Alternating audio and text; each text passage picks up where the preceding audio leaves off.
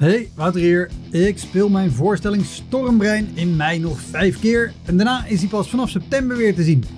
Op 2 mei speel ik hem in de Rijswijkse Schouwburg. Op 10 mei in de stad Schouwburg in Utrecht. 17 mei in het Toon Hermans Theater in Sittard. 25 mei in de Wiese in Schalkwijk. En 29 mei in het Stadstheater in Zoetermeer. Eind mei maak ik mijn nieuwe speellijst bekend, inclusief een te gekke show in de zomer. Meld je via elektropodcast.nl of woutermonde.nl aan voor mijn nieuwsbrief. Dan weet je als eerste waar en wanneer ik te zien ben.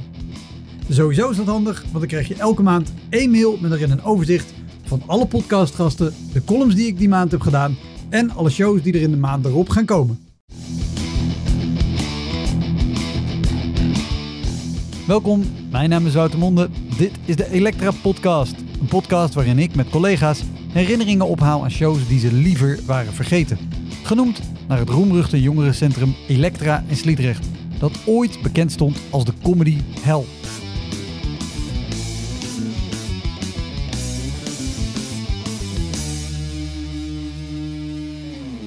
Deze aflevering praat ik met Edo Berger, die alweer een jaar of twintig actief is als comedian. Eerst als lid van cabaretgroep Schering en Inslag en daarna solo. Hij is ook regelmatig in het buitenland te vinden met Engelstalige optredens. Maar hij is ook al sinds 2013 te horen op Q Music, waar hij in de ochtendshow de Q Musical maakt.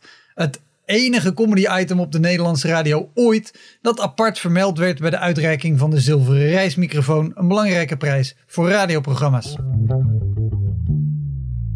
Als je je ouders uitnodigt om te komen kijken, wordt kosmisch de kans groter dat je finaal op je muil gaat. Edo is al vaker genoemd in deze podcast. Hij maakte namelijk samen met comedian Jeroen Pater de documentaire Dictator van de Comedy over de legendarische organisator Hans Kotman.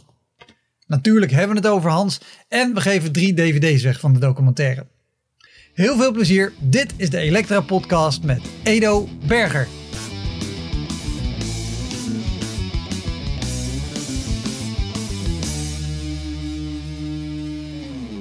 Ja, ik, eh, ik, ik, ik ben al bij al zo lang geleden begonnen dat ik het niet hard durf te zeggen, omdat het gewoon sneu wordt. maar, maar ik ben toen ik ben gaan studeren uh, meteen de, de kleinkunstcursus uh, bij het, het cursusinstituut van de UvA gaan doen. Ja. En daar klassiek een paar andere jongens tegengekomen en daarmee geschreven. En, en, en dat werd de cabaretgroep Schering en Inslag. Mooie klassieke naam. en we zijn ook, zoals, zoals je dan doet, want je zat totaal niet, we zaten helemaal niet in het circuit of zo. Gewoon meteen ons, ik denk ons vierde optreden was onze auditie voor het AKF. En welke jaargang van het AKF? Uh, Toch een jaartal. Dat is, ik denk dat dat 2000 was. Ah, oké, ja. 2000, 2001. Ik was echt heel jong, want en toen haalden we de halve finale. En toen stond ik, ik was echt, ik was 19. En toen stonden we in de halve finale en we waren geregisseerd door Pieter Bouwman. En, uh, en we hadden zo'n, zo was nog geen echte tour, maar we hadden zes try-outs in theaters en shit. En vervolgens, ja, we wisten nog steeds niks. Dus toen zijn we maar meteen, zijn we aan het Leids, uh, nee, zijn we aan Groningen gaan meedoen. En daar haalden we de finale. En toen wonnen we niet. Nou, dan gaan we maar aan het Leids meedoen. En toen haalden we daar de finale. Nou, dat is een reeks waar ik nu mijn linker piemel voor zou geven. op dat moment heb je echt geen idee. Maar daar vier jaar mee gespeeld. Uh, en toen, uh, ja, dat viel uit elkaar. Omdat gewoon iedereen de dingen moest gaan doen En, die en, die altijd en, en wat, voor cabaret maakten jullie? Uh, we werden, werden op een gegeven moment een keer uh, bij, uh, bij de finale van het Deltion Cabaret Festival, Weilen, werden we uh, omschreven als vier jongens die heel graag de Vliegende Panthers wilden zijn. Waar we heel boos om waren, want ja, we waren namelijk vier redelijk slimme, blanke jongens. Die, ja, dan maak je al... En we deden liedjes en sketches. Dus ja, dan lijkt het er al vrij snel daarop. Ja, het was, dat, dat, is wel echt iets wat, waar de Vliegende Panthers mee begonnen zijn. Dat was daarvoor nooit gedaan. Nou ja, dat ook trouwens inderdaad. Maar ja...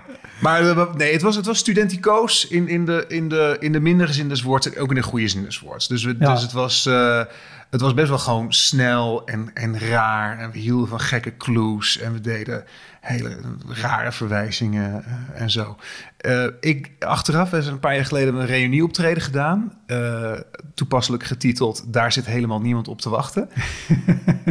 In het Ostade Theater. Waar we zowaar toen een avond hebben bijgeboekt omdat hij uitverkocht. Oh, wauw. En, en, en mijn vriendin, tegenwoordig vrouw, die, die eh, mij daar niet had gekend toen ik bij de schering zat, die zag eraf. Dat was echt heel leuk. Zei, echt waar? Ik had, echt, ik had niet gedacht dat het dat het Ah.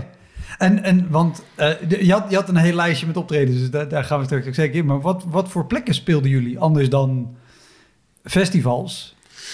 Ja, dat, nou, eh, eh, Want wat voor plekken waren er toen om, om met een groepje van vier jongens die heel graag de Vliegende wilden Ja. zijn op te treden? Ja, nou ja, niet zoveel. In ieder geval als je gaat denken aan, aan try-outs.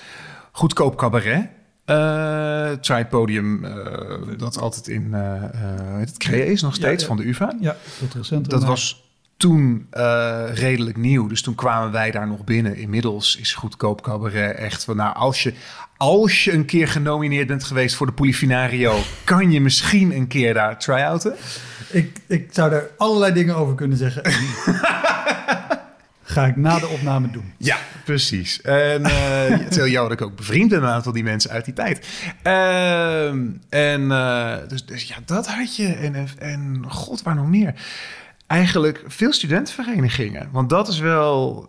Ja, en zeker als je in de finale van het Groninger staat... dan krijg je gewoon wel dat, dat heel veel studentenverenigingen in Nederland... eh, eh, aan de bel trekken. En dat waren altijd gewoon hele leuke optredens. Dat was wel ons, ons publiek. Dat Ja. was echt eh, een goed loltrappen. Maar, maar, maar waren die, als ik denk aan een gemiddelde studentenvereniging en wat voor opstelling dat is, waren die er zeg maar technisch op ingericht om met vier man op een podium te staan? Eh, nou, met, dat, dat, die vier man, dat lukte wel. En dat is nog wel een voordeel. Want je bent met z'n vieren, dus je maakt een hoop indruk en een hoop lawaai, weet je Ja. wel. Maar eh, we hebben een keer voor de HES eh, in Pathé Arena opgetreden. De hogere, de Hoge economische- Economische School. Ik weet niet of misschien Ja. zal die bij de HVA horen. En, ehm, en we hadden gezegd, ja, we hebben dus we hebben een, we hebben een piano nodig, we hebben een keyboard nodig. En eh, toen kwamen ze sowieso aan met best een, nou, ik zou niet zeggen een speelgoed keyboard. maar maar het, het, was, het, was, het was ook geen... Shostakovich had er, had er niet, op, eh, niet op gespeeld. En, eh, en dat is niet het enige, maar de Pathé Arena, dat zijn hele grote bioscoopzalen. Ja, eh, het is heel breed. En het snoer van het keyboard was krap anderhalve meter lang. Niet eens. Dus we hadden een podium. Ik denk dat het serieus dat het 30 meter in de breedte was. En helemaal links zat op een tafel, bij een tafel die ze ergens vandaan had getrokken aan het keyboard. Zat Jasper Rebel, onze muzikant, die zat daar te spelen. En echt vijf blokken verderop waren wij onze sketches eh, aan het doen. En we hebben ook natuurlijk de klassieker gehad bij een studentenvereniging. Ik weet niet welke het was, dat we zeiden... We hebben een, eh, een, een, eh, een geluidsinstallatie nodig. En toen kwamen ze met zo'n zo'n rond draagbaar... Zo'n dingetje dat je aanzet als je aan het schilderen bent, zeg zo'n maar. zo'n boombox. Zo'n boomboxje kwamen ze aan. Waar ook gewoon helemaal geen, geen eh, aansluitingen op zaten. Dus ja, dus, dus, dus, dus dat. En gelukkig, ja, er zijn gek genoeg ook wel weer veel van die verenigingen... waar zo'n oude tingeltangel piano staat. Echt zo'n upright piano. Ja. En dat is dan wel heel...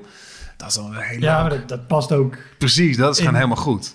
Maar dat is ook, ik denk als je bij, bij een, een, een studentenvereniging aankomt waar alles gewoon smerig en een beetje krakkemikkig is. Er staat zo'n piano. Natuurlijk is er niks beters dan dat, maar een Pathé Arena Ja, met gewoon 4D beeld en Dolby Surround. Nou goed, zal toen minder zijn geweest, maar alsnog verwacht je op zijn minst. Nee, het probleem met bioscopen is dat mensen altijd denken... oh ja, dat is hartstikke geschikt. Het heeft mooie stoelen.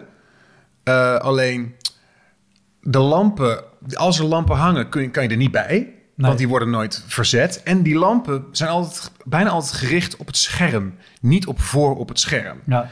Dus je ik heb zo vaak in het donker gespeeld... dat, dat het gewoon net erboven... Laatst nog een scholenvoorstelling met Mark van Vliet... eh, op Tessel inderdaad... En eh, dat inderdaad, dat, dat de lampen inderdaad, ja, die stonden gewoon net niet op ons. Eh, en de geluidsinstallatie, de echte geluidsinstallatie van de bioscoop, mag je vaak niet gebruiken. Ja, Dus dan moet er toch iets neergezet worden. Maar goed, het ziet er wel Ja. het ziet er leuk uit. maar goed, eh, schering en inslag. En, en, en wanneer zijn jullie ook weer gestopt? We zijn in 2004 gestopt, denk ik. Eh, ja, de, ik was net iets jonger dan de rest, maar de rest was afgestudeerd. En eentje die kon een jaar naar Oxford met een beurs. Ja, dat moet je ook doen. Ja. En eentje die was aan het promoveren als criminoloog. Die ging een half jaar naar, naar Angola. En de derde, die studeerde geneeskunde. Die moest echt een keer aan zijn kooschappen beginnen. en hij had, gebruikte echt al twee jaar lang de cabaretgroep als eh, voorwendsel om, niet, eh, om dat niet te doen. Eh, dus zijn we een tijdje eruit geweest. En toen we terugkwamen was het idee van ja, iedereen had het druk van we gaan wel door. Maar dan gewoon voor de lol en, en voor het plezier. En dat, dat werkte niet. Ja. Je moet een beetje het heilige vuur hebben. Van het moet groter en mooier. Dus na een tijdje toen zijn we ermee gestopt. En toen had ik voor het eerst in mijn achterhoofd iets van... weet je, misschien wil ik wel dit in mijn eentje doen. En kan dat ook? Is dat een optie als beroep? En toen? En toen, en toen, nou, fuck jou. Ik ga gewoon eerst, het- eerst ik, ik, heb, ik heb natuurlijk zitten nadenken over me op deze. gewoon de, het meest legendarische wat we hebben gehad eh, met Schering Inslag. Nou, op die pittoresk kut was. Was dat we op een gegeven moment. Een van ons die had een voicemail. Die ging ongeveer als volgt. Dat is, eh, ja, goeiedag. Met Jan van Neren van de Weijer in Boxmeer. We hebben hier binnenkort een kleine braderie. En daar eh, zetten we wat optredens neer. En wij vroegen ons af of jullie daarin eh, geïnteresseerd waren. Nou, het woord braderie valt vaak in deze podcast. dus wij naar de braderie van de Wijn in Boxmeer. De Wijn in Boxmeer is een heel mooi theater. Dus wij dachten, vet. Maar het bleek dat er gewoon op het plein daarvoor, op het park ervoor, was een braderie. Je weet wel. Ja. En er was een tent. Ook een woord dat veel valt in deze podcast. een tent die aan drie kanten open was. En dan met van die tuinstoelen erin en een podium. En er was een... Ja, eh, oké. ik, ja. ik moest even kijken. Een tent aan drie kanten open. Ja, dat dus je hebt wel achterwand, zeg Ja, maar. het- Eh, ja. en maar verder is het gewoon... eh, nou, je wordt niet nat en dat is het. En eh dat was een doorlopend programma. Eh, en wij zouden twee of drie keer spelen. En dat programma dat liep uit. Dat liep uit. En op een gegeven moment... En Wat, hadden ze nog in het programma? Nou ja, gewoon de, de wij waren de enige externe act volgens mij. Gewoon, de, de, gewoon allemaal lokale gizzel, weet je wel. Ja. Lokale groepjes. En eh, op een gegeven moment eh hadden iets van... Fuck it, Boxmeer is echt een end weg. We moet, dat we moeten echt nog wel naar huis strakjes, weet je. En toen hadden we afgesproken dat we eh, iets eerder in het programma ons tweede optreden mochten doen, ons laatste optreden.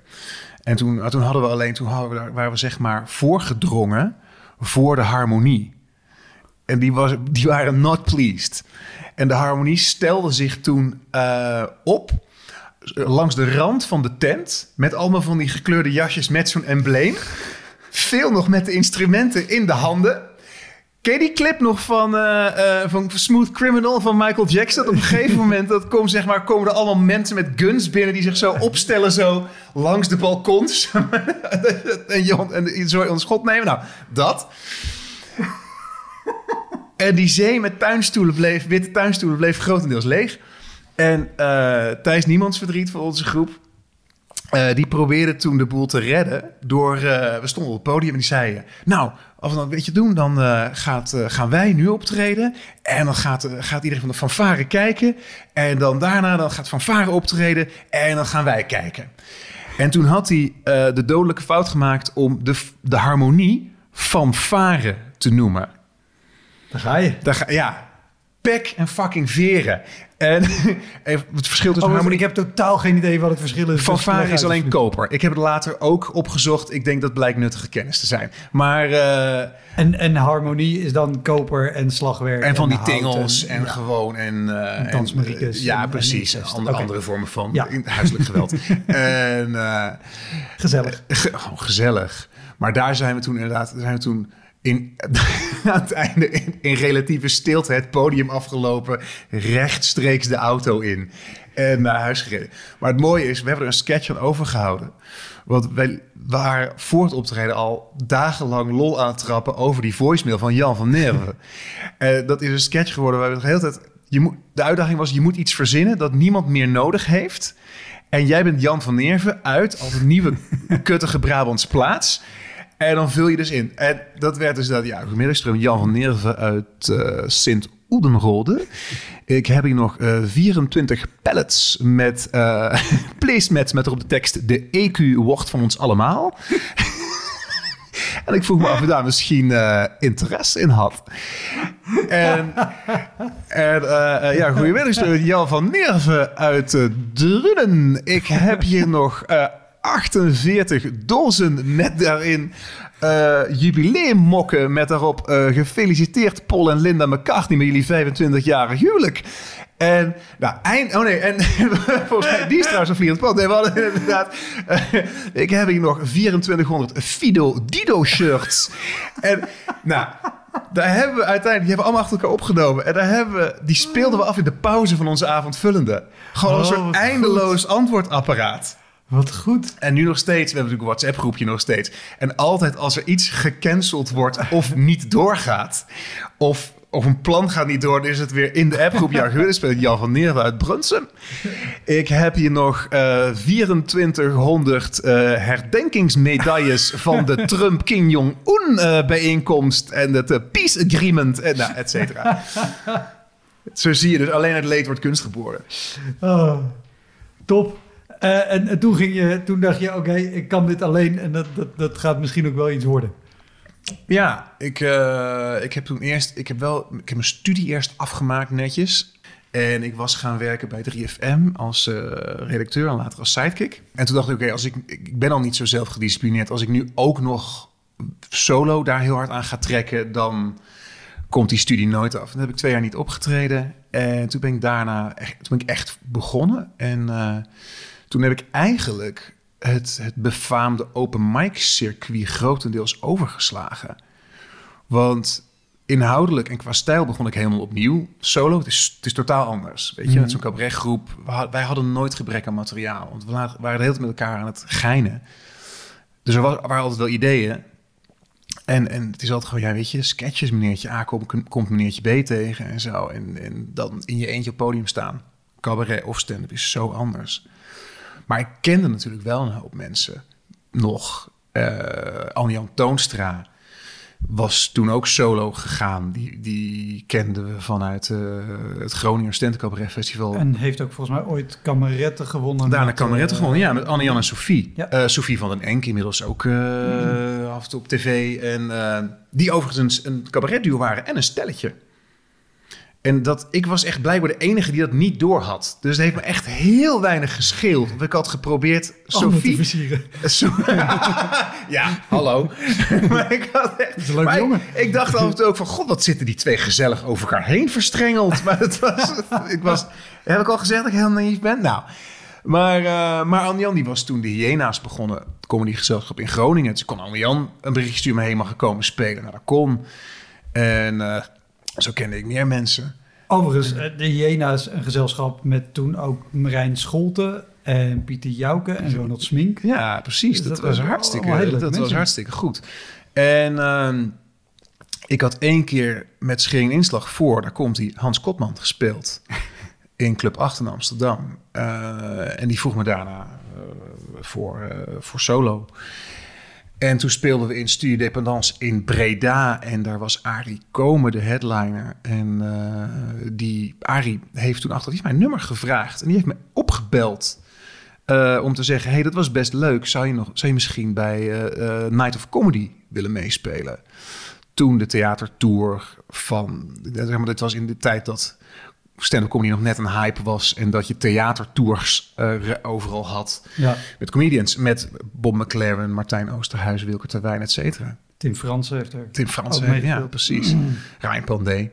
Uh, en, uh, en dat heb ik toen, dat heb ik toen gedaan. En ik, ik, moet laatst, ik werd laatst een beetje, ik was wat nederiger ineens. Dat ik, ik vind nu wel eens dat ik zie als jonge comedians, waar ik denk, oké, okay, zo goed ben je nog niet, gast.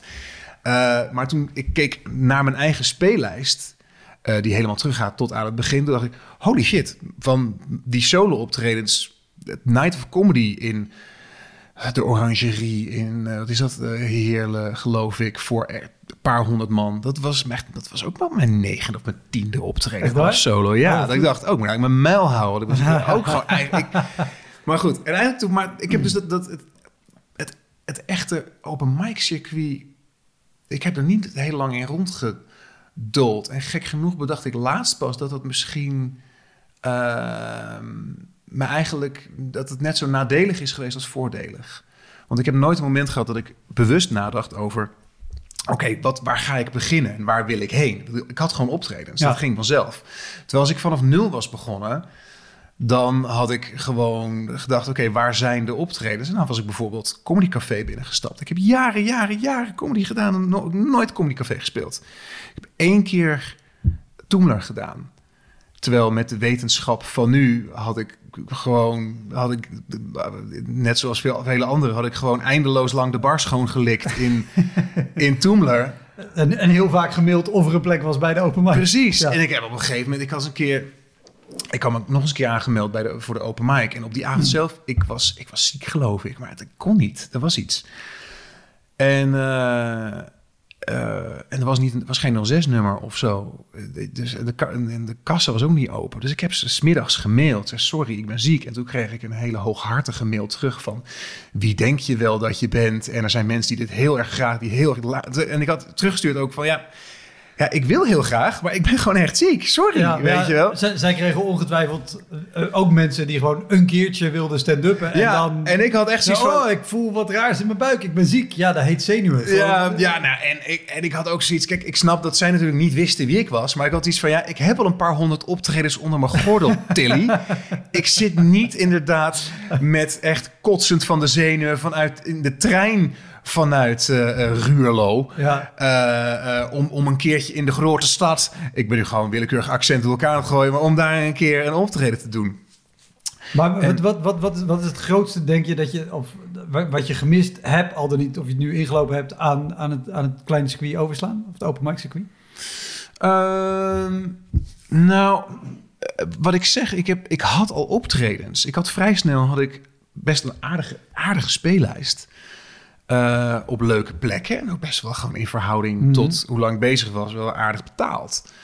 Ehm, maar daardoor heb ik nooit een fase gehad waarin ik heel bewust heb gekeken naar: oké, waar zijn de optredens en waar zijn Ja, de goede zo. optredens? Ja, ik bedoel ook vooral, hield het, hield het je tegen in, in bijvoorbeeld ontwikkeling?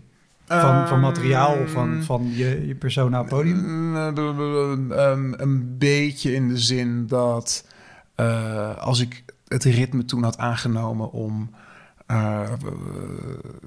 om gewoon wekelijks even de open mic mee te pakken, dan was ik wel was ik sneller beter geworden. Dat ook wel, ja. Ja. ja. Maar vooral, ja, weet je, ik vond het als vrij snel goed gaan. En, eh, maar het ging natuurlijk niet overal goed. Daar was het ook wel eens hommeles. Ja. Nou, wel, wel, ja, misschien is het een vraag voor later, maar het zit, nu al in mijn hoofd. Eh, weet je, vertelde dat jullie met schering, schering en inslag met z'n vieren voor de koperblazers van Boxmeer, ik ben het vergeten, ja. eh, stonden. Dan- ga je met z'n vieren dood. Ah, want, want er was geen reactie. Maar is, is, is het anders als je in je eentje doodgaat dan als je met z'n vieren op podium staat en doodgaat? Ja, zeker. Met z'n met z'n vieren. Het, het, ook naar een optreden gaan was altijd al lollig. Het was altijd leuk. Dus echt die pijn van, oh mijn god, wat was dit kut. die hadden we, die had je gewoon niet zo. Ja, Eh, en wat ik zeg, je bent met z'n vieren en je hebt ook nog eens liedjes en we maakten een hoop lawaai. Het is een beetje als, met- als dat je in een band zit en je moet ergens spelen op een achtergrond in een- op een feest of zo. Kijk, als mensen luisteren is het mooi. Als mensen niet luisteren, dan is het minder erg. En zoiets heb je ook met zo'n eh, met zo'n met zo'n cabaretgroep. Nee, je eentje doodgaan is, is, is veel meer doodgaan, inderdaad. en toen deden we ook nog nauwelijks bedrijfsoptredens. Ik vind altijd, kijk, bij, bij een gewoon, bij een comedyclub of zo, bij een theater, als het niet goed ging, dan loop je daar de coulissen in en heb je een achteruitgang. Daar, Ja, daar is hij voor. Ja. Weet je wel, maar op, op, bij bedrijfsoptredens, dan, dan moet je daarna nog eventjes hallo zeggen op die borrel met die hapjes. En je spullen pakken. En dan moet je altijd, je moet echt door het hele fucking pand nog langs de receptionist. Dag, dag hè. Weet je wel. En dan, en dan En moet je- hoe ging het? ja, ja, precies. Dan moet je die factuur ook nog sturen. Eh, dat is allemaal echt, dat is echt een stuk pijnlijker. Inderdaad. Eh, eh, want je noemde al Hans Kotman. Ja. En, en wat ik fascinerend vind, je zei, ik heb het, het open mic circuit overgeslagen, maar je bent wel in het, in het Hans Kotman circuit Ja, terechtgekomen. Zodanig, want Hans is al vaak voorbij gekomen in deze podcast. En ook de documentaire die jij over hem hebt Klopt. gemaakt, samen met, met Jeroen Pater, dictator van de comedy. Ik heb al geprobeerd Hans te omschrijven. Meerdere mensen hebben dat al geprobeerd. Maar ik denk dat van, van veel comedians, of bijna alle comedians in Nederland, jij misschien nog wel eens een van de beste kent. Ja. Ook omdat hij dicht eh, bij jou- samen met Jeroen Pater, ja. ja. Samen met Jeroen Pater. Eh, wat, wat was jouw eerste indruk van Hans toen je die show voor hem deed? Nou, zoals gewoonlijk bij, bij bijna iedereen, mijn eerste indruk van Hans was, eh, was god, wat een, wat een amabele, eh, eh, erudite, intellectuele eh, theaterliefhebber. Die die ook is, overigens. Dat wil ik meteen gezegd hebben. En ik weet, weet je, vervolgens toen inderdaad in Studio Dependance in Breda. Breda is ook de woonplaats van Guido Weijers. Guido die was toevallig, die kwam kijken, volgens mij gewoon Arie even te zien. En toen viel het me op dat, dat Hans best wel een serieuze partij moeite aan het doen was om Guido Weijers het podium op te krijgen. Op een manier waar Guido Weijers niet op zat te wachten. en eh, eh, nou ja, eh, spoel door naar het beroemde, beroemde benefiet optreden in, eh, god, hoe heette dat? Uiteindelijk de Belastingdienst in Rotterdam, waar in een tent eronder Hans een comedyclub ging openen.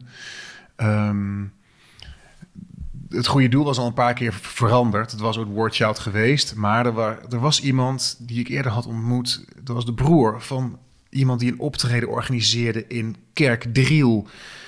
En daar waren we toen ook, ik en Chris Silos en nog iemand en Hans. We waren toen bij dat optreden eerder, waren we ook bij die mensen thuis geweest. En wezen eten van tevoren, wat al opvallend was. Maar goed, weet je, dat- Hans van ja, maar goed, moet ik een heerlijk glaasje wijn erbij, meneer Berger.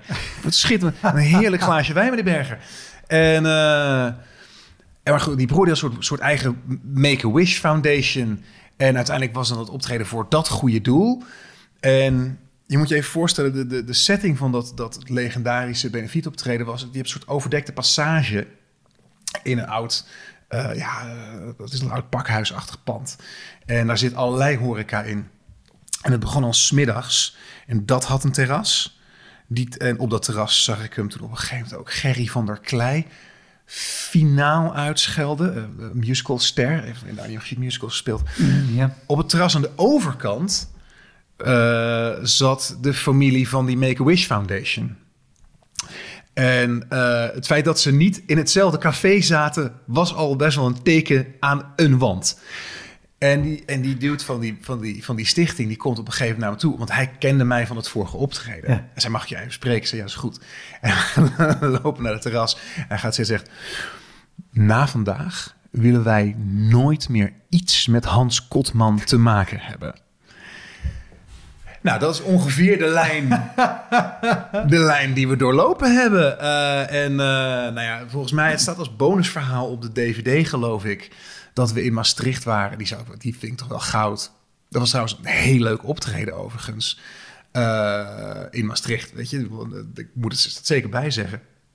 En toen hadden we achteraf al buiten met allemaal studenten en studenten staan praten. En Hans die had weer zijn schoen uitgetrokken en aan zijn oor gehouden... omdat hij met Shakespeare aan het bellen was.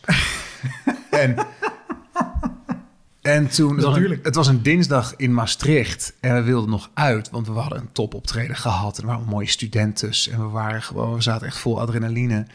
En dan kun je naar de à la Bonheur, de Nalla, op dinsdagavond...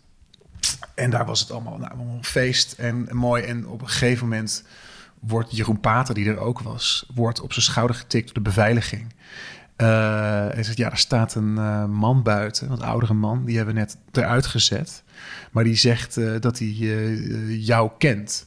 Waarop Jeroen, die echt een topavond had, zei... Nee, nee, nee, nee, nee, het is niet echt. Nee, die, is niet echt, eh, nee, die kennen hem niet echt of zo. Dat is, dat zoiets. Jeroen zegt ook in het docu, zegt van ja, ik was, eh, ik was Petrus en ik, ik, nee, ik kende hem niet. En de haan kraaide drie keer. en wat was er nou gebeurd? Er zijn twee kanten van het verhaal. En ik laat het aan iedereen die luistert over om te bedenken wat hij het meest eh, eh, geloofwaardig vindt. we hadden sowieso... Het was een periode waarin Hans als catchphrase naast, na alles zei... waarvan akte? Ja. En Patrick Meijer had hem toen de waarvan akte tas gegeven. Dat is een prachtige oude leren aktentas waar hij waarvan had op, op had Oh, geschreven. Die Hans overal mee naartoe nam. En die, is, hij is de waarvan aktentas kwijtgeraakt ook in de disco. En hij mocht van de beveiliging niet terug naar binnen om de waarvan aktentas te zoeken. Ehm, maar eh, hij zou aan eh, een tiet hebben gezeten. Een tiet. En Hans zijn verweer was, dat was natuurlijk een sluitend bewijs, zei dat is onzin. Dat zou ik nooit doen. Iedereen weet, Hans Kotman is een billeman.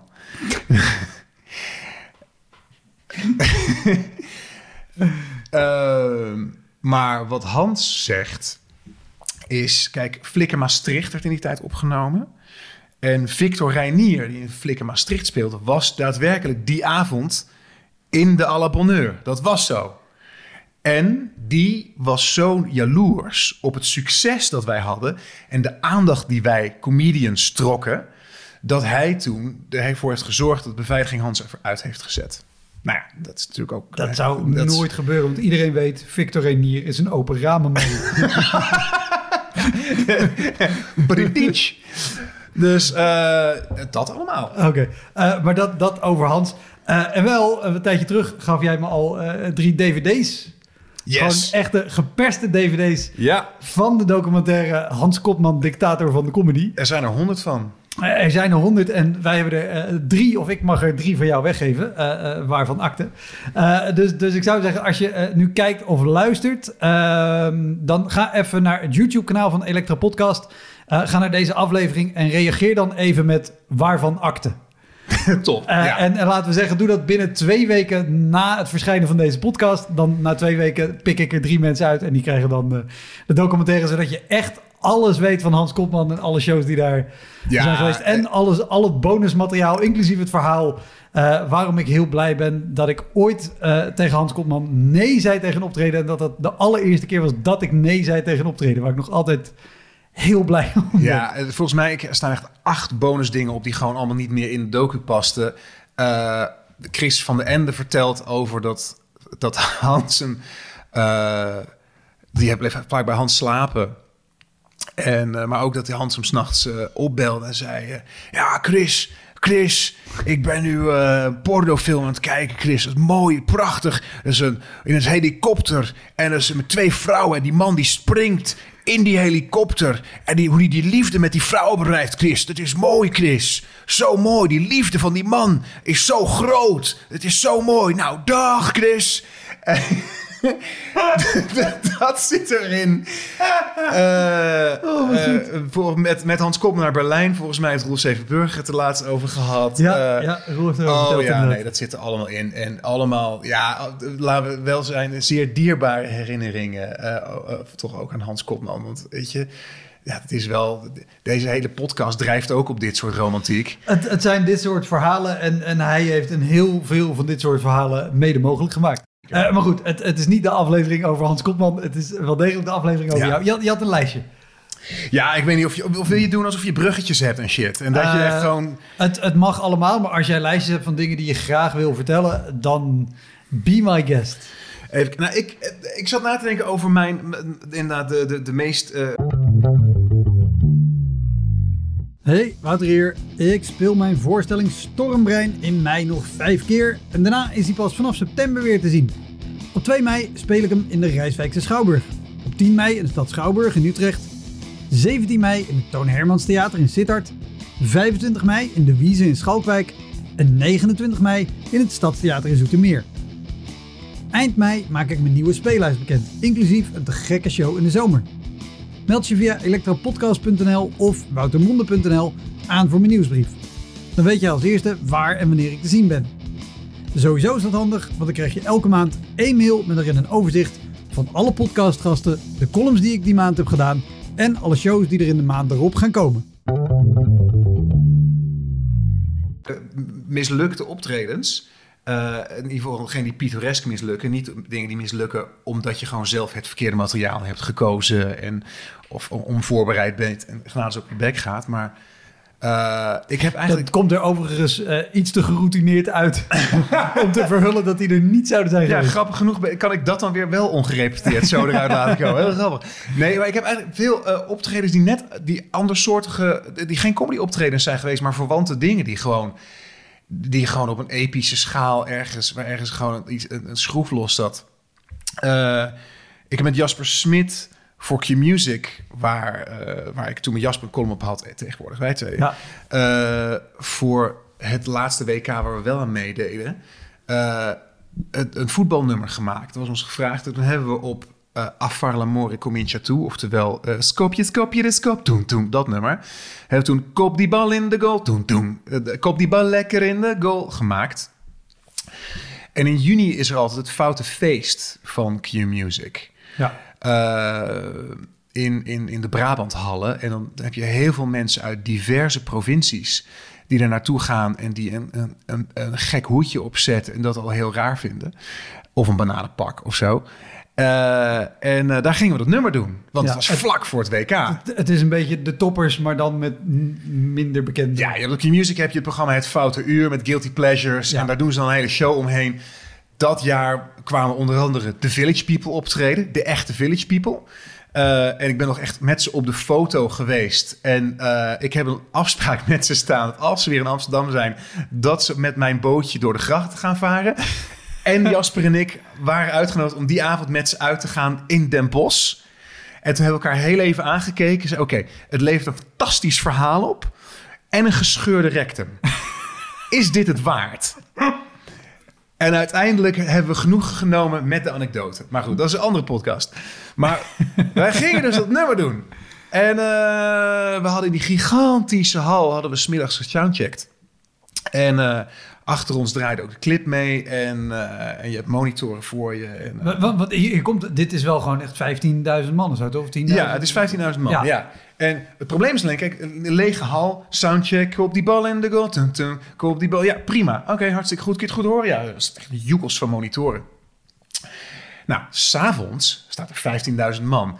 En Mattie en Wietse, eh, een ander niet meer bestaand duo, die, die waren aan het DJ'en. En op een gegeven moment, nou, je kent waarschijnlijk van de Q-Musical, die zijn ze, Edo en Jasper! En wat er gebeurt als je opkomt voor 15.000 man, is dat je hersenen ongeveer 7,5 seconden dit doen.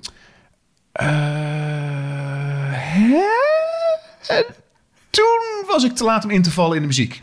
Oh nee. En het kutte was, het was best een house-achtig nummer.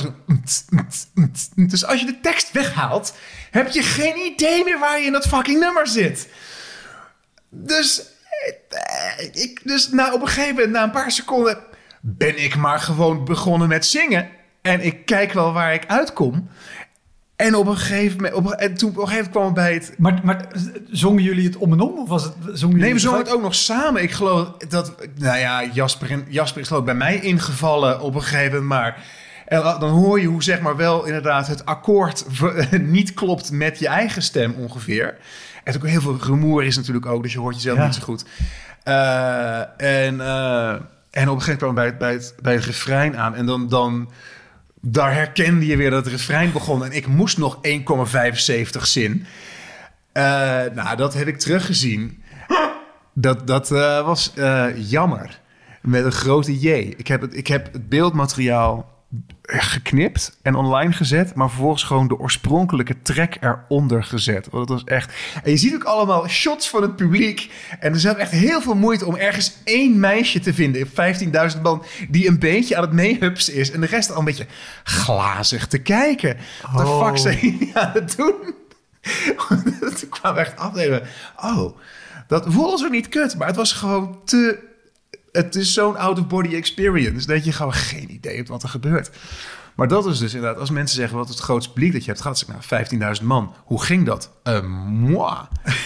Ja, je, je doet ook maar één nummer. Je kan niet denken, nou ja, weet je... We normaal- pakken ze wel terug met het B-kantje. Ja, nee, of, of met, met een comedy show. Oké, oké, deze bit werkt niet. Nou, zo snel Nee. mogelijk eruit. En nee, nee de, grote, de grote les die we daarvan hebben geleerd is... eh, fuck live zingen. Of beter gezegd, zing wel live, maar zing gewoon mee over je eigen track heen. Ja. haal niet de vocalen eruit. Dat is onzin. Dat, hebben we daarna nou ja, nog steeds bij bedrijfsoptredens waar je moet zingen. En als het enigszins kan en als het genoeg betaalt om het van tevoren op te nemen, dan gewoon, gewoon je tracks van tevoren opnemen. Want uh, anders het, gaat, ga je kapot. Nou ja, uh, ik, ik, kan mij uh, de show vorig jaar herinneren voor ehm, iets met stroom in West-Brabant in een hele mooie abdij. Prachtige, prachtige gigantische kerk. kerk galmende bak, bak, bak, bak, bak, waar het ook heel lastig meezingen was. Oh, inderdaad. Er zijn een paar wel. Er zijn een paar klassieke om, omgevingen die je naar terugkomen. Kerken want ik heb, hebben die gedaan. Ik heb Sint-Pieterskerk in Leiden twee keer gedaan voor studenten. Studenten, studenten, studenten. Dan maak je een punchline, punchline, punchline, punchline. Komt er een lach terug, terug, terug, terug. Dan ga je weer door. Die... Dancehall comedy. Ja, dance. en niet op de Jamaicaanse wijze, zeg maar. Uh, en, uh, oh, waar nog meer? Oh, mensen denken altijd, ja, zo'n mooie ruimte. Oh, introductieweek uh, voor de UvA in het Engels. En dat was dan inderdaad in de als je, die, die kerk aan de Amstel toevallig? De Zuiderkerk. Ja, de Zuiderkerk. Is dat die? Ja. En, uh, Daar heb ik... Want ja, ze moeten namelijk iets van 2.500 nieuwe studenten kwijt in vrij grote zalen. En ja, dan kom je iets uit bij de Zuiderkerk. Kerk, kerk, kerk. Waar de technicus, technicus, technicus mij ging uitleggen, uitleggen hoe je microfoon moet vasthouden, houden, houden. Ja, gast. Dat, dat is een hele aparte podcast. Technici. technici. Ik zeg altijd, theatertechnici houden niet van theater, die houden van techniek. Die zijn er om ervoor, in eerste plaats voor te zorgen dat alle spullen terug in de oorspronkelijke doos gaan. Maar goed, dus, maar dat was dus dat was, ja, de, de Brabanthallen. uh, ik heb met Mark van Vliet een scholenvoorstelling, gratis geld, die al een aantal jaar loopt. Dat is, dat is heel leuk moet zeggen, we hebben bijna altijd leuke optredens. En we hebben die voorstelling echt fucking bulletproof gemaakt voor leerlingen. Dus het gaat over seks en we vloeken. En ik heb Mark echt zien meemaken, die notabene zelf leraar is geweest. Dat hij echt tegen een leerling zegt, nou ga je nou je bek houden, klootzak. En gewoon, holy fuck Mark, doe even chill. En, en, en deze show spelen jullie volgens mij uit mijn hoofd voor leerlingen tussen de 14 en de 16, 17. Nou, hij staat, hij staat in de boekjes voor uh, bovenbouw. Ja. Uh, waar, waar ligt die grens? Nou ja, dat is, uh, het hangt een beetje vanaf. Maar bovenbouw VMBO is, is het laatste jaar inderdaad. Dus vanaf 16 ongeveer. Ja, ja. Um, en, en dat gaat altijd wel gewoon prima. Alleen, dat is ook een klassiek probleem. Um, voorstellingen worden altijd wordt heel veel geboekt voor lagere leeftijdscategorieën. Zeker scholen. Omdat je hebt heel veel theater voor kleintjes. En je hebt theater voor zeg maar, eh, voor, inderdaad voor bovenbouw. En dus er zijn in Nederland echt 15 voorstellingen geweest over het gevaar van loverboys. Er zijn meer voorstellingen over loverboys dan loverboys. uh, en ik denk dat... Ja, als die leerlingen komen, krijgen ze ook cadeautjes en zo. En dan krijgen complimentjes. Dus ja, precies. Hartstikke leuk om naartoe te gaan. Ja, precies. en uh, weet je, nou, die acteurs die hebben al een vriend, die zit in de schulden. en of die, nou, lang verhaal. En... Uh, en er zijn, ik denk dat, er, dat meer leerlingen in Nederland psychologisch trauma hebben opgelopen van voorstellingen over pesten dan pesten. Maar uh, uiteindelijk, maar je, je, hebt heel vaak is het van, ja, het is, dan krijg je zo'n boeking binnen van, ja, het is, het is wel, het is voor VMBO 2, maar het kan wel, toch? En ook trouwens ook, het is voor maximaal 100 10 man op school, 180 man in theater. Maar dat, ja, maar we hebben een hele goede aula, dus het is voor 180 man. En we zeggen altijd ja, want het is gewoon goed geld. Want, want even, even, even naar die leeftijden. Kan je uitleggen wat het verschil maakt tussen spelen voor een zaal van leerlingen van 14 en een zaal van leerlingen van 16? Oh, ik, het is heel, het is heel uh, uh, gedetailleerd. Uh, er is een, zeker met, echt met jongere middelbare schoolleerlingen, maakt het uit of je aan het begin van het schooljaar of aan het einde van het schooljaar speelt. Uh, eerste jaar middelbare school is heel schattig, maar eigenlijk, eigenlijk te jong voor cabaret comedy-achtige dingen. Tweede jaar kan, uh, maar begin tweede jaar zijn ze aardig. Eind van het tweede jaar hebben ze ontdekt dat ze uh, puber zijn. En is het gewoon echt, is het gewoon hommeles. Dat is heel grappig. Zelfde klas, half jaar, of zelfde school, half jaar van elkaar af. En verder vaak zijn VMBO-scholen leuker dan VWO. Want het is een educatieve voorstelling over reclame-marketing. En VWO is iets van, ja, dat weet ik allemaal wel, weet je wel. Ja, dat, dus dat. be- beroepsonderwijs En terwijl bij te- ten opzichte van VMBO nemen je shit vaak vet serieus. Eh, en het is heel vaak het gaat over baantjes en over geld bij verdienen en over je- hoe je je geld besteedt. Eh, maar VMBO'ers er meer mee bezig zijn, weet je wel. De- en die gaan ook, die vaak ook gewoon dat ze hun hand opsteken. Gewoon is er een vraag. Want het hele concept dat het theater is, dat, dat komt niet altijd binnen. Zeker als je op school speelt in een lokaal waar ik van tevoren het, het systeemplafond heb gesloopt om er ergens een lamp in te hangen. Dit, zo vaak. Dan zit Mark van tevoren, zit keihard de stress van kak, kak, kak, kak, kak. Het gaat allemaal mis. En ik loop echt vijf minuten van tevoren nog een of andere bouwlamp uit een lokaal te trekken. en er, eh, waar VMBO'ers, die gaan helemaal los. Die gaan, dat is heel erg leuk. Ja. Maar we speelden in Muzenis in Amsterdam-West. ja. En ik dacht al, Muzenis, dat is toch... Ik wist niet dat ze daar middelbare schoolvoorstellingen deden. En toen kwamen we daar en toen waren we geboekt voor groep 8. Dat is... De laatste klas van het lager onderwijs. Ja, die leerlingen waren eh, zeg maar 40 tot 50 procent jonger dan eh, in het boekje staat. Maar. en je ook denkt, ja, maar hoe dan? Hoe ook? En, eh, en toen hebben we, en daar kwamen ook echt ter plekke pas achter. Terwijl die show, jongen, dat gaat over masturberen en neuken en, eh, en bijbaantjes en vakken vullen. Ik ook en- niet in die combinatie. en natuurlijk wel. En, en in die volgorde. En laten we- uiteindelijk gaat het altijd... Iedere voorstelling gaat uiteindelijk over Loverboys. Dat is hoe het gaat. En daar hebben we de helft van de voorstelling uitgegooid. Eh, en het idee van de voorstelling is dat eh, je 50 euro kan winnen. En die kan je ook echt winnen. We hebben echt 50 euro in een glazen kistje. Voor middelbare scholier is... Een middelbare scholier 50 euro laten winnen in een schoolvoorstelling is vet. Dat is gewoon best wel een tof bedrag. Namelijk, eh 50 euro aan een kind van 11 geven is volgens mij strafbaar. dat, kan, dat is heel raar. Dat is gewoon een heel raar ding. En eh, de, de- de- uiteindelijk blijkt, zogenaamd, dat wij al hun eh, privégegevens die ze van tevoren in een enquête moeten invullen, eh, dat we die doorverkopen aan een reclamebureau. Middelbare scholieren, ofwel geloven het, dat doen ze meestal, en dan morren, morren, morren. Maar ja, ze staan onder, weet je, eh, surveillance van die docenten, die lopen dan de zaal uit. Het leukste is inderdaad als er echt heel veel rumoer is van, god, wat kan er binnen?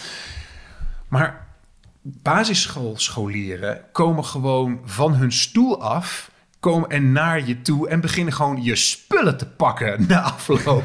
en die begonnen gewoon, die wilden echt hun, hun fucking formulier terug.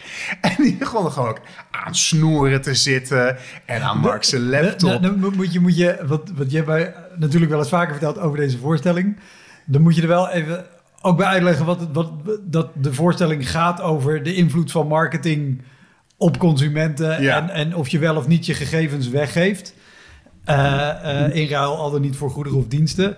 En wat, wat de deal is om de 50 euro te winnen. Ja, Want eh, dat maakte dat deze klas ja, ja, zo boos was. Oh, nou, nou dat is, dat is een andere. Nee, want ja, dat is Oh, een extra ding inderdaad. Namelijk, eh, uiteindelijk, we doen een soort Willy Wonka gouden wikkelsysteem. Als je een leuk antwoord geeft op een vraag, krijg je een, een, een ticket. Uiteindelijk trekken we één ticket uit een doos. Die leerling komt naar voren. Eh, en die geven we de keuze. En dan, laat, dan vertellen we met een filmpje wat er eigenlijk zogenaamd aan de hand is. Namelijk, eh, eh, als je die 50 euro aanneemt, dan gaan al jouw persoonsgegevens die je hebt ingevuld van tevoren en die van iedereen die je hier voor je ziet, vind ik altijd heel leuk om te doen, die, gaan, die gaat naar dit reclamebureau en jij en iedereen krijgt tot je doodgaat, krijgt spam, je ouders krijgen spam, je wordt opgebeld op, op je verjaardag, banners, pop-ups. Ja, En dan neemt iemand eh, de 50 euro. De 50 euro, mensen nemen altijd 50 euro. Het is geloof ik, in de jaren dat we nu spelen, is twee keer geloof ik, misschien drie keer, is de 50 euro geweigerd. Eh, maar we hebben één keer op een school gespeeld. Toen speelden we twee keer op een dag. En eh, de eerste leerling, de eerste voorstelling, die weigerde de 50 euro.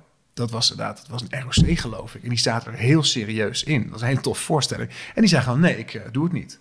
doen, 50 euro niet. Hartstikke goed. En daarna hadden we de tweede voorstelling. En die leerling nam gewoon de fucking 50 euro. Dus die, komt er laat, die jongen komt er laat, eerste komt er later achter dat het allemaal nep is. En dat hij gewoon 50 euro mee naar huis eh, had kunnen nemen. En we hebben één keer gehad dat ik tijdens de voorstelling... We hebben één, ik vertel één verhaal over... Dat er over, vertel een verhaal over het su- succes van AX, de deo. Dat is natuurlijk Ja. een leuk ding van middelbare scholen. Ja. Want het is allemaal AX. Eh, en dat er een jongen van de 12 is geweest in Engeland... die zichzelf heeft doodgedeoed. Die heeft in een, eh, ik zeg het, in een slecht geventileerde ruimte te veel deo gebruikt. Heeft hartritmestoornissen gekregen. eh, en heeft zijn eigen dood gedeoed. Helemaal dood gedeoed. Ja, jammer voor je, Wesley. Ja, was wel het lekkerst ruikende lek ever. Ik denk dat zijn ouders hem, eh, dat zijn ouders hem hebben eh, gecremeerd. Ik hoop dat hij nu bij dat urn bij zijn ouders op het toilet staat met de deksel eraf als potpourri. Nou, blijkt statistisch gezien dat als je voor een ROC speelt of een VMBO, dat er best veel mensen in de zaal zitten die iemand kennen die Wesley heet. En als je maar lang genoeg speelt, zit er iemand in de zaal die een Wesley gekend heeft die recentelijk overleden is. En dat krijg je gewoon niet uitgelegd achteraf aan het meisje. Het was heel erg. Ik probeerde dat, die kwam echt heel boos naar me toe. Want dat kan je niet zomaar zeggen en dit en dat. Ja, maar, nee, maar ik, ik kies gewoon een naam. Ik doe het niet expres. Dat. En we hebben in Roermond gespeeld op een school, of onder Roermond, waar toen net een schandaal was over dat eh, een docent naaktfoto's volgens mij van zichzelf had gedeeld met een leerling. Zo'n verhaal. En dat was heel groot in het nieuws geweest. En we hadden van tevoren gezegd, we gaan het er niet over hebben. Nee, we gaan het echt niet over hebben. Ook met de school, eh, dat gaan we niet doen. Ze nee, doe maar niet. En fucking vijf minuten staan we op het podium. En in het begin improen we altijd. En dan gaan we gewoon een beetje de school en de, en de gemeente afzeiken. En ik weet niet wat ik zei, maar echt, Mark stond na vijf minuten al gebukt in een hoek van... Dude, wat hadden we nou gezegd? ik meteen erover begon. Weet je wat je hebt gezegd? ik, weet niet meer wat, ik weet niet meer wat ik zei. Even kijken. Dat, dat- je favoriet... Oh ja, ik, we hebben altijd wat is je favoriete, favoriete leraar? En volgens mij riep ik, oké, maar, hij, maar hij, hij appte je ook leuk. Zo, het ging meteen. Er stond echt koud vijf minuten op het podium. Eh, maar goed, school, het was heel leuk voorstelling. School was heel coulant in. Maar goed. Maar nee, maar muzen is dat je gewoon, dat je ter plekke achterkomt dat het publiek 50% jonger is dan jij hem in de programmaboekjes hebt staan. En hoe, hoe ging die show? Want jullie, jullie hebben de, de helft eruit gegooid, maar hoe werkte de andere helft? Nee, educatief blijft er helemaal niks van over. Nee. We hebben er een heel gek verhaal van gemaakt. En we hebben gewoon, het is, ja, we, we- we stonden maar gewoon heel veel energie te geven. Maar, ja, dat- maar het stom is, terwijl je daar staat, wil je eigenlijk de show stilleggen en tegen de docenten die erbij zijn zeggen: Hoi, even. Deze show is dus eigenlijk voor 16 plus. Dus als je denkt, wat zijn jullie? Nee, het ligt niet aan ons. Ja, Wat sowieso trouwens de centrale gedachte is bij heel veel kutoptredens. Dat je eigenlijk heel graag aan het publiek wil zeggen: het ligt niet aan mij. Want mensen denken altijd, als ze je zien en is een kutoptreden, denken ze altijd: nou, ik vond hem echt, ja, ik vond hem echt, echt hartstikke slecht. En dan denken Ja. ze dat jij altijd ook zo speelt. En ook dat, ja, maar het feit dat er om je heen een, een kettingzaagjongleercongres aan de gang was, ja, dat heeft natuurlijk niks mee te maken. Het is absoluut gewoon niet. puur jij. Ja. Eh, over puur jij, want je noemt nu shows met Jasper, Ja. met Mark, met Schering en Inslag. Je bent ongetwijfeld ook gewoon solo Ja, hard de boot ingegaan. Er zijn een aantal. Ja, er zijn. ehm, ik heb Saxion Hogescholen gedaan, introductieweek. Ehm, die heb ik later nog een keer gedaan, toen met jou. En toen was ik in ieder geval gewaarschuwd. Ja, en Eh, toen hebben we, eh, dat, dat was in Enschede. Enschede, en ja. dat zou buiten zijn op een heel groot plein. En er was een soort muziektent opgebouwd. Ja, en toen hebben we en dan gewoon- was het ja. idee, ze zouden, ik weet nog goed, dat was zo'n rampverhaal. Toen kwamen we aan, zeiden ze, nou we gaan om, eh, om 1 uur, of om eh, 12 uur kunnen ze dan de lunchpakketjes afhalen. En dan beginnen jullie om 5 over 12. Dus, maar er zitten hier 500 eerstejaars studenten die allemaal elkaar aan het leren kennen zijn. En die gaan niet in vijf minuten die pakketjes hebben. Dat gaat, dat gaat niet werken. En volgens mij zouden we allebei een half uur solo doen of zo. En ik weet oh, dat we ja. toen uiteindelijk van die, van die biertafelbankjes in die muziektent hebben gezet. Mensen echt geronseld. En toen hebben we allebei volgens mij 20 minuten kunnen spelen voor 20 minuten op die bankjes in die tent. En dat was heel leuk. Ja, en eh, ondanks het feit dat er inderdaad ook nog muziek schalde voor de gezelligheid uit de luidsprekers over dat plein. Ja, want de vossenjacht die ze gingen doen, die zou om kwart over twaalf beginnen. Maar dan denk je, oké, dan denk je, eh, dan denk je, nou, dit is duidelijk de eerste keer dat deze mensen dit doen. Want, eh, dat, want op, op lager beginnersniveau kan je niet beginnen. Tuurlijk wel, tuurlijk. Ik had hem gedaan twee jaar tevoren. Ik speelde dat in mijn eentje een half uur. En ze hadden gezegd, het is buiten op het plein en er staat een podium. Bij aankomst bleek dat podium is een sculptuur. Een sculptuur van een soort van een ouderwetse platte kar. eh, maar dan uitvergroot in steen. eh, eh, met een balustrade eromheen. Dus een soort, dus je hebt een platte kar in marmer uitgevoerd. X meter hoog. En dan een, een soort eh, balkonbalustrade Ja. eromheen. En ik moest dus van achter die balustrade moest ik mijn optreden doen. Dus ik kwam ook op Oh, al... bedenkt dit? Ik kwam ook op met Don't Cry For Me Argentina. Nou, die referentie snappen ze niet. Joh. Dat was ook... Dat was, daar moet ik de hand in eigen boezem steken. Dat was misschien niet zo'n goed idee. En die van Evita. En ja, precies, daar had ik nog wel aan gehad. Dus dat, het was half twaalf 's middags. Ze hadden inderdaad hun lunchpakketje. Het lunchpakketje bestond uit een boterham met kaas, een boterham met ham en een appel. Ze zaten aan lange bierbanken over dat gigantische, ook lelijke plein. Dus de helft zit met de rug naar je toe. Dichtstbijzijnde tafel was, ik denk, zeven meter bij me vandaan. Ze hadden de avond tevoren kroegentocht gehad. En op het moment dat ik het podium opkom, of dat die kar opstap, begint het zachtjes te motregenen. het is een soort, soort komeet van Halley, van een soort, soort alle planeten op één rij van kutheid. Van hoe erg het kan gaan. En ik had toen nog een Google Alert op mijn naam staan, dat als er een, ergens een recensie of zo verschijnt, dat je een seintje krijgt. En er verscheen in het lokale blad, in Tubantia of zo, verscheen een artikel waarin ze een paar van die nieuwe studenten hadden gevolgd doorheen de week. En eh, K- eh, klokslag 12 uur betreedt cabaretier Edo Berger het podium. Maar zijn optreden kan Sandra niet bekoren. Quote, een sneu figuur, zo oordeelt zij. Dat je ook denkt, nee, nee. Het is motregen met een kater en jullie zaten een kilometer verderop. En jullie, oh, en jullie wisten, ik stond niet in het programmaboekje. Jullie wisten niet dat ik kwam. Dat is ook klassieker. Oh, wauw. Dus dat was, oh, dat was zo'n ijzige Ik vind, overigens, eh, Sandra, als jij nu luistert... of iemand zegt, Sandra, dat was jij...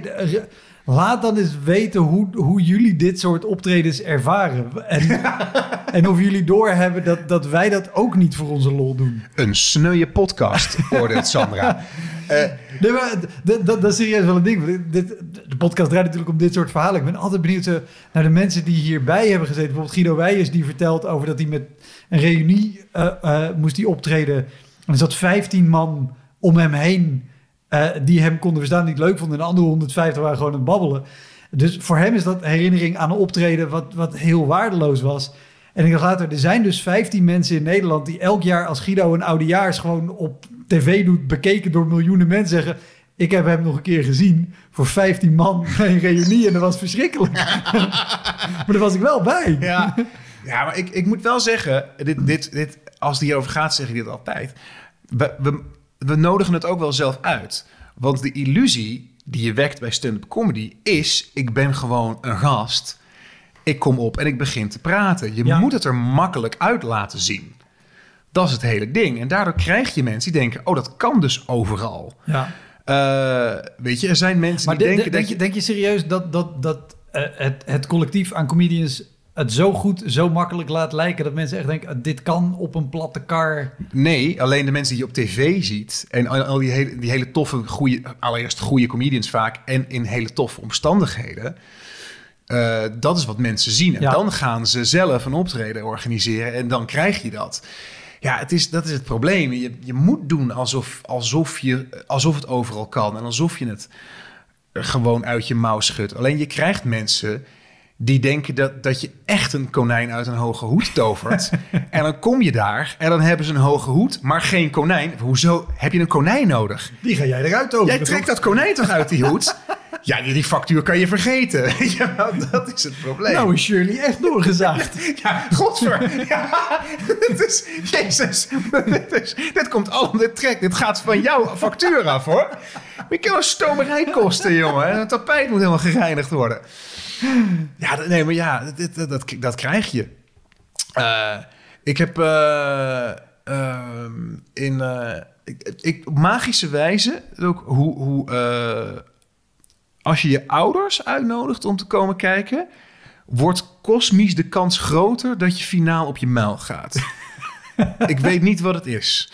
Maar ik heb finale cabareteske ooit gedaan. En dat was een optreden waar daar had ik gewoon zelf fout gemaakt. Uh, wel. Ik had allemaal... festival in Eindhoven. Eindhoven, ja. Tien jaar bestaan. was een leuk festival, maar heeft ook niet gehaald. En uh, ik, ik, ik, wou, ik was nu heel erg bezig met... ik wil minder likable zijn op het podium. Ik wil wat grimmiger dingen doen. Daar had ik materiaal voor bedacht. En ik had iets met Geert Wilders, een hele allegorie. En ik had een hele goede halve finale gehad. Uh, want voor mij zaten mensen die gewoon... die, die, die, op de halve finale, echt voor mij, die speelden... Uh, slecht, maar ook niet zo slecht dat mensen dachten dat het de hele avond, avond konden afschrijven. En toen kwam ik op, het had er gewoon enorm zin in. En ik rockte hem. En ik dacht, nou, en ik had een aantal festivals gedaan. Ik had beter moeten weten. Maar ik dacht bij mezelf, nou, dit zou nog wel eens kunnen worden. Dus uh, ik had mijn ouders uitgenodigd en een tante van mij. En uh, vervolgens die finale in, uh, is dat Parkstadtheater Eindhoven? Ja. Ik denk het, ja. En dat zit 800 man, dat zit helemaal vol. Parktheater. Parktheater, ja. Parkstad is, uh, ja. Limburg. En, en ja, toen bleek, ik had allemaal materiaal, dat had ik veel meer moeten testen. En het was allemaal het werkte allemaal niet. En ik maakte, de, ja, na een kwartier dacht ik, jezus, wat ga ik doen? En dan ga je dus ga je van punchline naar punchline rennen. Zo, misschien vind je dit wel leuk. Nee, dat bedoel ik misschien dit wel leuk. Werkte dat? Nee, heel gek. en, uh, uh, en ook voor mij speelde Martijn van Os, die nu geen cabaret meer doet. Maar Martijn komt uit, uit, uit niveau Brabant, komt er uit de buurt. Die had A, heel veel fans meegenomen. En Martijn die speelde ook gewoon een hele gezellige Brabantse ska. Dat was gewoon een heel gezellig cabaret. Dat was een hartstikke leuke ding. En dan kwam ik nou met mensen met een mening. Goed, maar, maar, maar dus Martijn die had gewoon een hele gezellige sfeer neergezet. En het had, had vriendenzaal. En het was, ook een, het was een finale. En in een finale zitten er mensen die, die, die in hun achterhoofd ook denken... wie vinden we de beste? Dat heb je bij halffinales, daar is het minder. Bij de finale mensen, ja, wat, vind, wat vind ik eigenlijk van jou? En dat, oh, en toen, het ging echt totaal niet. En toen, dan sta je uiteindelijk zo in zo'n zo'n executierijtje op het podium en dan krijg je bloemen. Uh, en, en de juryvoorzitter, geloof ik, die, die terwijl ze de bloemen geeft en een, en een zoen, zegt, zegt nog: We hadden je, je zo graag gegeven. Oh, oh man. Geef hem dan. En, uh, Echt voor iedereen in Nederland die ooit in een jury zit, voor wat voor wedstrijd dan ook dit soort opmerkingen zijn echt de... Ik vind je een hele leuke jongen.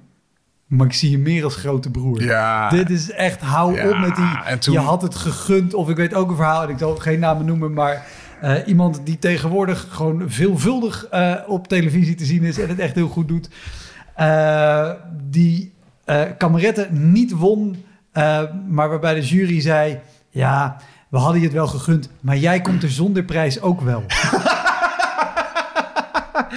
Overdien, dat kan misschien waar zijn, maar zeg het niet. Nee, precies, zeg het niet. Dat is, dat heeft niemand, heeft daar iets aan. Ja. Maar, Anders dan dat jij gemoedsrust hebt om het... Nou, nou ik, heb, ik heb na finale cabaret, cabareteske heb ik twee... Ook, ik, oh, die blik van mijn ouders in de foyer. en mijn tante Helma. En ook die stilte. was het pijn? Was het teleurstelling? Was het het was, het was, het was, ik weet niet, het was een soort verholen paniek over, kut, wat, wat, kan, wat moet ik nou zeggen? Want zij had iets van, je moet, zij moet ook iets tegen mij zeggen. Nou ja, en ik heb overigens wel ik heb een fantastische tip ooit gehad van iemand, uh, een vriend van haar zat bij, ik geloof het Zuidelijk Toneel. En uh, als, als, die, als die vriend van haar een nieuwe voorstelling had, dan ging ze erheen. En dat is natuurlijk niet altijd even goed. en zij zei, wat je dus altijd kan zeggen bij theater, dat is ja, het is, ik vond het een hele verontrustende voorstelling. dat kan je altijd zeggen. Ja, ik vond het heel uh, verontrustend. Dat is heel goed. Maar ik heb na, toen na die finale heb ik twee weken lang eh, gewoon in mijn badjas YouTube-filmpjes gekeken en vla uit een pak gedronken. dat. Dat. Ik moet wel, maar gek een idee, op een bepaalde manier ook wel minder pijn dan ehm, Jacques Dancona. Eh finale, naar de halffinale lijst die ik heb gedaan met En dan, wacht even, wacht even. Jacques D'Acona in Nederland uiteraard bekend als eh, cabaret-criticus en, en tv-persoonlijkheid. in de eerste plaats bekend als, eh, als jurylid bij de Soundmix Show. Plaats 2 theaterrecensent bij Nieuwsland van Ja. Noorden. En plaats 3 overigens eh, voormalig lijstduwer van de 50, plus partij. Ook nog. Wat, en, wat natuurlijk heel erg logisch is, dat je, dat je dan hem vraagt voor dat hele progressieve, eh, iconoclastische Leids Cabaret Festival, zeg maar. ja, maar goed, om, om te duiden wie dat is. En die, Eh, en wat die- zei die? die was jurywoordvoerder en die, eh, ze hadden echt, echt ze hadden ook, die hadden gezocht naar iets aardigs om te zeggen. En, eh, Was ja, dit over jouw solo? Of, over mijn solo. Ja, ja, Ja. Nee, dit was dit is toen ik zelf. Ja. Ik heb ik heb 2000 uh, zoveel ik Leids gedaan, half finale gehaald en toen een amabele entertainer met een interessante motoriek.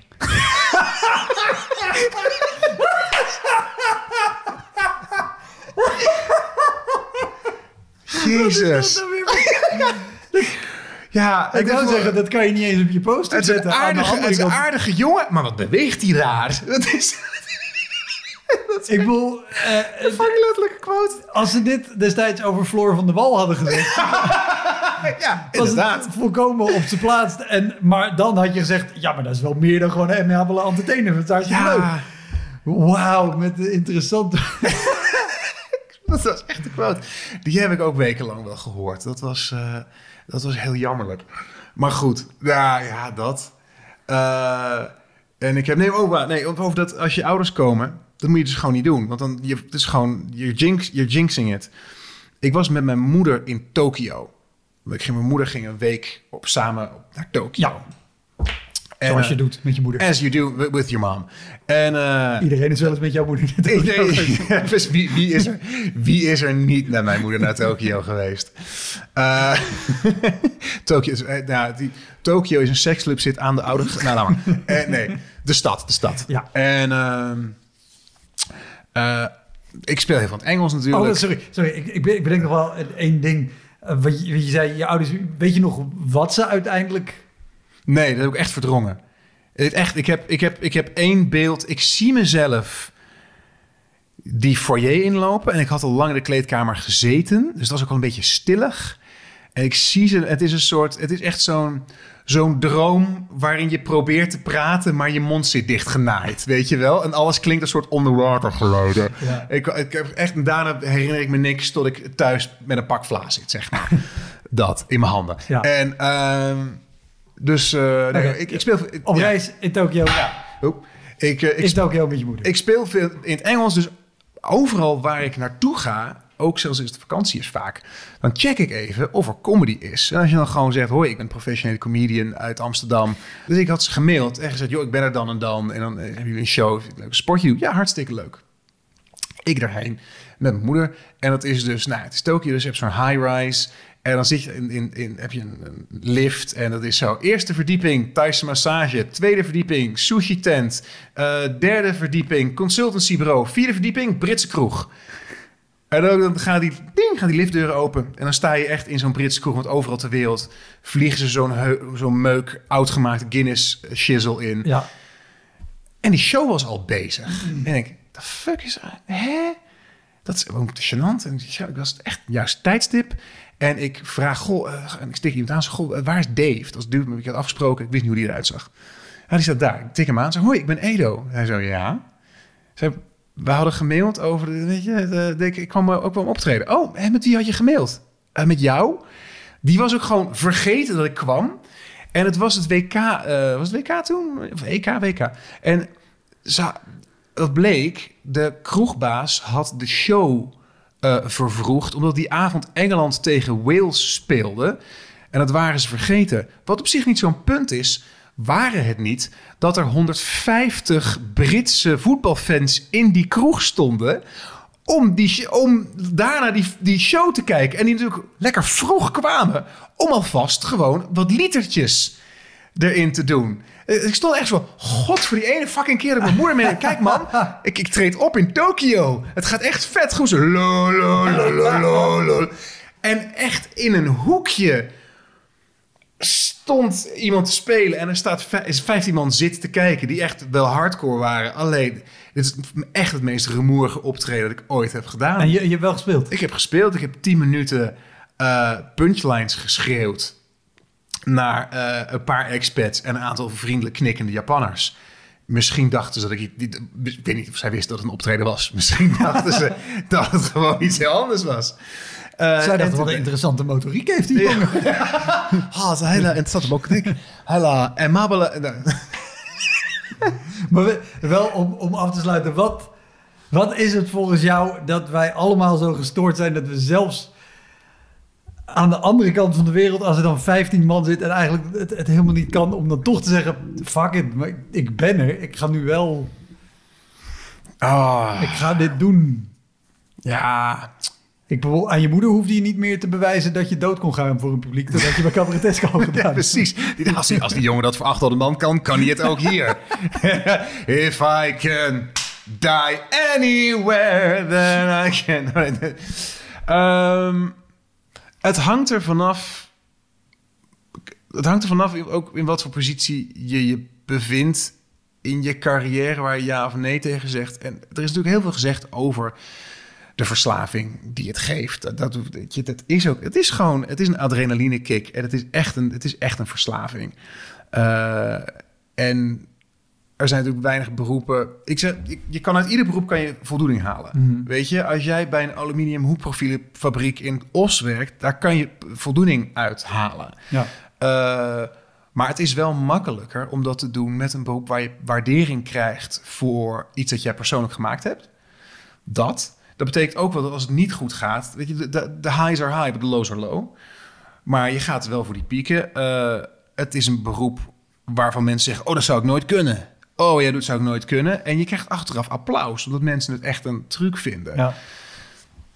Dus dat blijf je overal doen. Dat gezegd zijnde, meestal in het buitenland. Dat is een heel nieuw hoofdstuk waar we geen tijd voor hebben. Maar eh, nou, in ieder geval gemengd internationaal publiek is gemiddeld een stuk vergeeflijker dan inderdaad die, die willekeurige groep mensen in die willekeurige middelgrote gemeente in Nederland. Ja. Want die hebben, er, die hebben er zin in, dus zeker in het buitenland. En daarnaast kan je dan weer een foto maken en dan mik je het zo. Kijk, die kroeg stond wel helemaal vol in Tokio. Dus als ik wou, had ik een foto kunnen maken met volle kroeg vanavond, vol, weet je, volle tent Ja, vanavond in volle Tokio. Ja. Eh, eh, le voilà. En ik probeer het niet al te veel te doen, maar als je maar goed mixt met je telefoon, kan je, er altijd kan je het altijd leuk uit laten zien. Precies. Eh, overigens, eh, een leuke opdracht eh, voor jou als luisteraar. Ga eens dit soort foto's doorkijken. Kijk eens goed naar zo'n foto en beslis dan... was dit echt een volle zaal of gewoon een heel goed gemikte foto? Want ik zie hier vaak voorbij komen dat ik denk... ja, als je die vier mensen die er zijn zo bij elkaar zet... en er zo weinig van op de foto zet... dan lijkt het alsof het een hele volle was. Nee, dus de indicatie is als je heel erg op de achtergrond in een hoekje iemand gewoon net een vi- middelvinger in beeld ziet steken. Nou, dat is mijn moeder. Top man. Dankjewel. Graag gedaan. Dat was hem, de Elektra Podcast. Meer informatie over mijn gast van vandaag en linkjes naar van alles en nog wat vind je in de omschrijving van deze aflevering. Er staan ongelooflijk veel afleveringen online van Elektra. En op elektrapodcast.nl kan je makkelijk zoeken op de naam van jouw favoriete comedians en cabaretiers. Je kan daar ook eenmalig doneren of crewmember worden. Als crewmember betaal je maandelijks een klein bedrag, maar dan krijg je ook nog eens bonusmateriaal. Je luistert voortaan zonder onderbrekingen en je krijgt consumptiebonnen die je kan inleveren bij een show van mij. Ik vind het sowieso te gek als je een keer komt kijken bij mij. Dus ga naar woutermonde.nl, daar zie je precies waar en wanneer ik optreed. Of meld je aan voor de nieuwsbrief, dan hou ik je op die manier op de hoogte. En dan nog iets, elke vrijdagmorgen doe ik een column op radiostation Kink. Je kan die column terugluisteren als podcast. Hij heet Kink op de Week en je vindt hem in de app waar je ook deze podcast luistert. Oké, tot de volgende Elektra. Hoi!